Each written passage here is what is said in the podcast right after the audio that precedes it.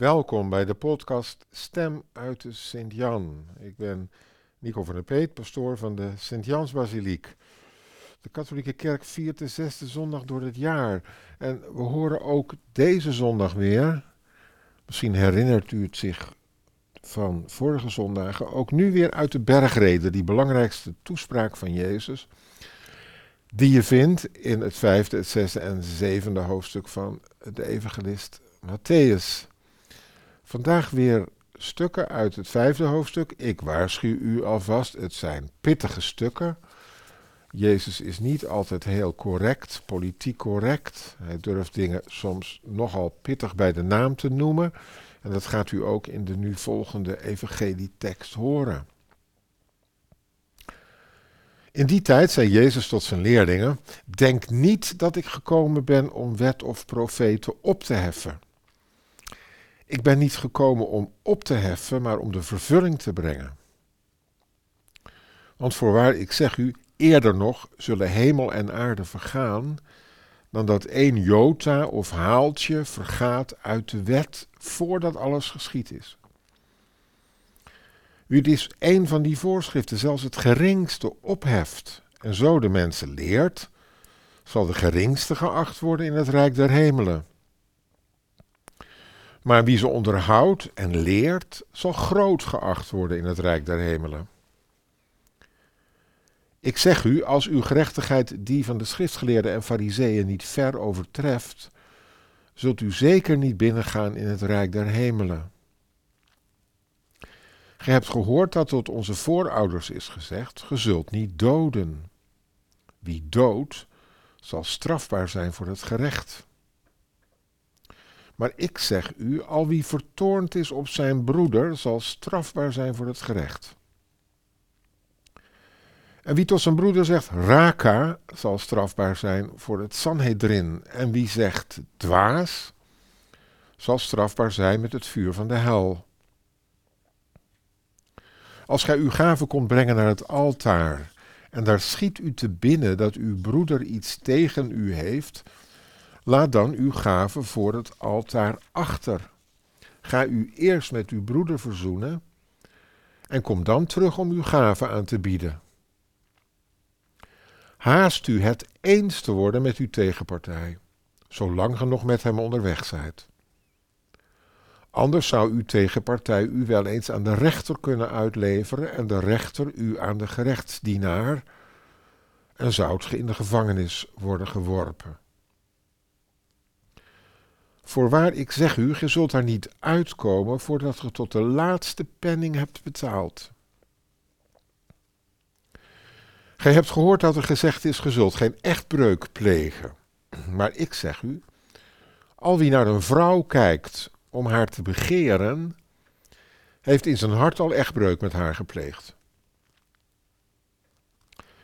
Indien uw rechteroog u tot zonde bedreigt te brengen, ruk het uit en werp het van u weg, want het is beter voor u dat één van uw lichaamsdelen verloren gaat, dan dat heel uw lichaam in de hel wordt geworpen.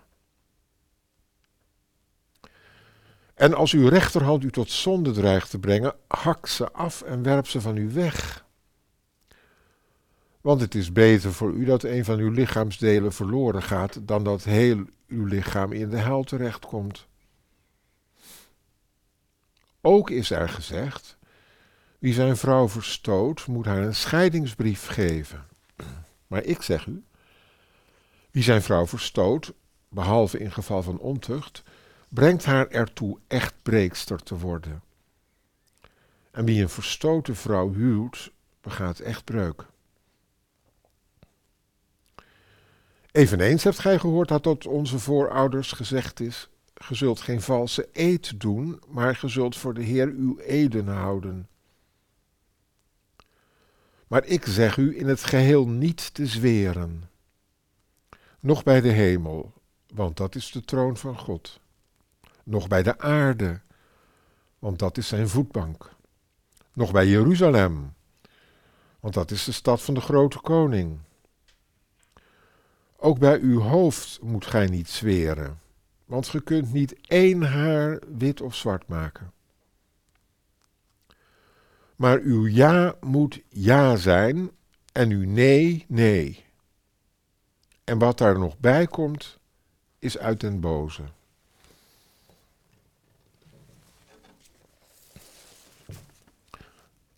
Jezus zegt: Denk niet dat ik gekomen ben om wet of profeten op te heffen. Ik ben niet gekomen om op te heffen, maar om de vervulling te brengen. Mijn moeder, zaliger gedachtenis, had meerdere Joodse vriendinnen en collega's. Ik spreek nu over de tweede helft van de jaren dertig. Vanaf haar achttiende werkte mijn moeder in het toenmalige Haarlemse stadsziekenhuis. Naast dat algemene ziekenhuis was nog een hospitaal, het Joodse ziekenhuis. Het gebouw waarop nog steeds de Davidster prijkt, staat er nog. In de jaren van de bezetting heeft mijn moeder het meegemaakt dat de nazi's de Joodse patiënten en personeel met geweld meenamen en afvoerden. Nooit heeft zij die gruwelijke gebeurtenis, waarvan zij getuige was geweest, kunnen vergeten en verwerken.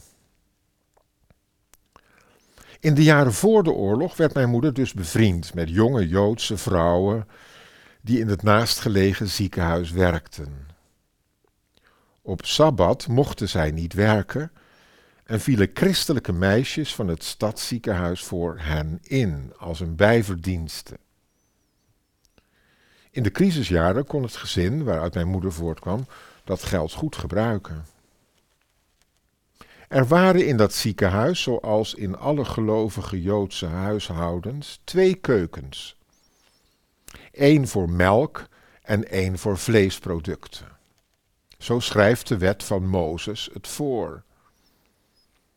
Gehoorzaam aan die Joodse wet over de koosjere levenswijze wasten mijn moeder en de andere invallende christelijke meisjes tweemaal af in de gescheiden keukens.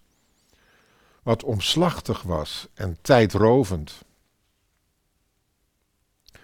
Op een zaterdag was mijn moeder moe en werd het haar opeens te veel en maakte ze één sopje en vermengde beide serviezen in één tijltje. Ze dacht dat niemand het zag, maar zo was het niet. Een bewoner van het ziekenhuis kreeg er lucht van. De rabbijn moest worden opgetrommeld en de keuken ritueel gereinigd. Een heel gedoe. Mijn moeder vertelde tientallen jaren later aan ons, haar drie kinderen, dit verhaal aan de tafel van ons gezin. En wel met groot respect voor haar Joodse vriendinnen, die met zoveel trouw en liefde vasthielden aan wet en profeten. Mijn moeder leerde ons: zie eens wat er na 1939 gebeurde toen het machtigste volk van Europa de wet van menselijkheid, van onderscheid tussen goed en kwaad, losliet. En mensen als gebroken serviezen bij elkaar gooiden in vrachtwagens en treinen en afvoerden naar de vernietiging. Jezus, zoon van het Joodse volk, heeft de wet en de profeten niet opgeheven. Maar hij had toch kritiek op de schriftgeleerden en fariseeën? Zeker. Ons evangelie van deze zondag staat ook weer vol met kritiek op vrome volksgenoten. Waarin bestond die kritiek? Dat zij die wet, die voorschriften niet tot vervulling brachten, dat zij deze niet vulden en betekenis gaven met hun hart, met liefde, met menselijkheid en toewijding. Wij christenen kunnen ons deze kritiek van Jezus op de godsdienstige mensen van zijn tijd aantrekken. Wat hebben wij gedaan met ons godsdienstig leven? Hebben wij de godsdienst wel met ons hart, met toewijding en menselijkheid in praktijk gebracht? Of dachten we, als we nu maar de wetten en de regels nakomen, dan zitten we goed? Gaat het ons wel aan het hart of zijn we gemakkelijk conformistisch? Hoe gaan we om met mensen die wij niet begrijpen? Schrijven we ze af als dwaas? Of nemen we de moeite ons te verdiepen in hun beweegredenen, hun leven? Loop ik als een vergevingsgezind mens naar het altaar? Maak ik werk van het uitpraten van conflicten en van verzoening met wie ik in onvrede leef? Werken wij aan onze vriendschappen, onze relaties en huwelijken? Of houden we de schijn maar op? Maar zijn we innerlijk van elkaar verwijderd geraakt en zie ik uit naar iets anders, naar een ander? Zijn onze beloften, onze eden wel echt of alleen maar voor de vorm, voor de bühne? Is onze afgelegde eed of het door ons ooit gegeven ja-woord bij huwelijk, vriendschap, wijding nog gevuld met liefde, toewijding, waarheid? Is het niet tijd om daaraan weer te werken, dag na dag? Denkend aan mijn moeder, zie ik haar weer afwassen in de koosjere keukens van haar Joodse vriendinnen. Wat heeft zij al die vrouwen, van wie er niet één de oorlog heeft overleefd, wel niet gemist en bewonderd om hun toewijding aan de wet en de profeten van hun voorouders? Laten we de wet van de menselijkheid, de liefde, de toewijding aan God en aan elkaar met Jezus tot vervulling brengen. Ik wens u een mooie week toe, alle goeds. Volgende week zondag zijn we er weer met Stem uit de Sint-Jan.